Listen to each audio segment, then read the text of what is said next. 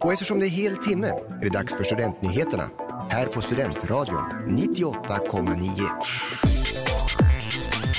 Smittan ökar, men provtagning och smittspårning ligger efter. Fimpar på marken blir straffbart och jurister skriver terminstenta på plats trots protester. Det här är veckans nyheter. Coronasvep. Andelen positiva PCR-prover för covid fördubblades till cirka 18 procent under årsskiftet.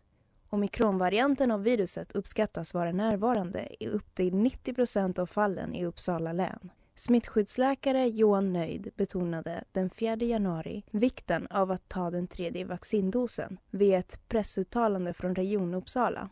Enligt Nöjd skyddar dosen mot sjukdom och död trots variantens höga smittsamhet och vaccingenombrott.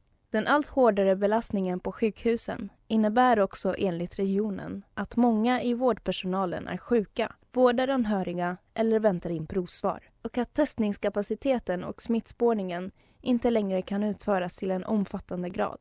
Fredrik Zettergren, provtagningsansvarig för regionen, menar i en intervju med SVT Uppsala att högst 16 000 provtagningstider kan erbjudas varje vecka, men att dessa inte möter den nuvarande efterfrågan. Sedan årsskiftet är det numera straffbart att slänga småskräp som till exempel fimpar på marken. Nedskräpning har kunnat resultera i böter sedan 2011 men enstaka små föremål har hittills inte medfört straff. Detta blir det ändring på när en fimp eller tuggummi på marken betyder ringa nedskräpningsföreteelse och böter på 800 kronor.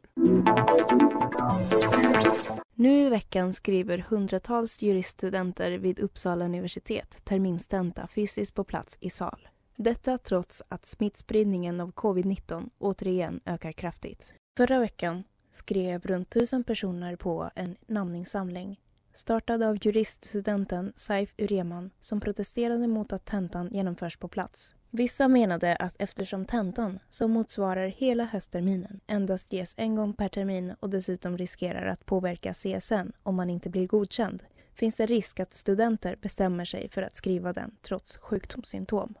Fakultetsledningen för juridiska institutionen gick i fredags ut med att de, med hänsyn till rådande situation och pågående diskussioner, kommer erbjuda ett extra tentamenstillfälle den 29 januari för studenter som har förkylningssymptom under ordinarie tentadatum.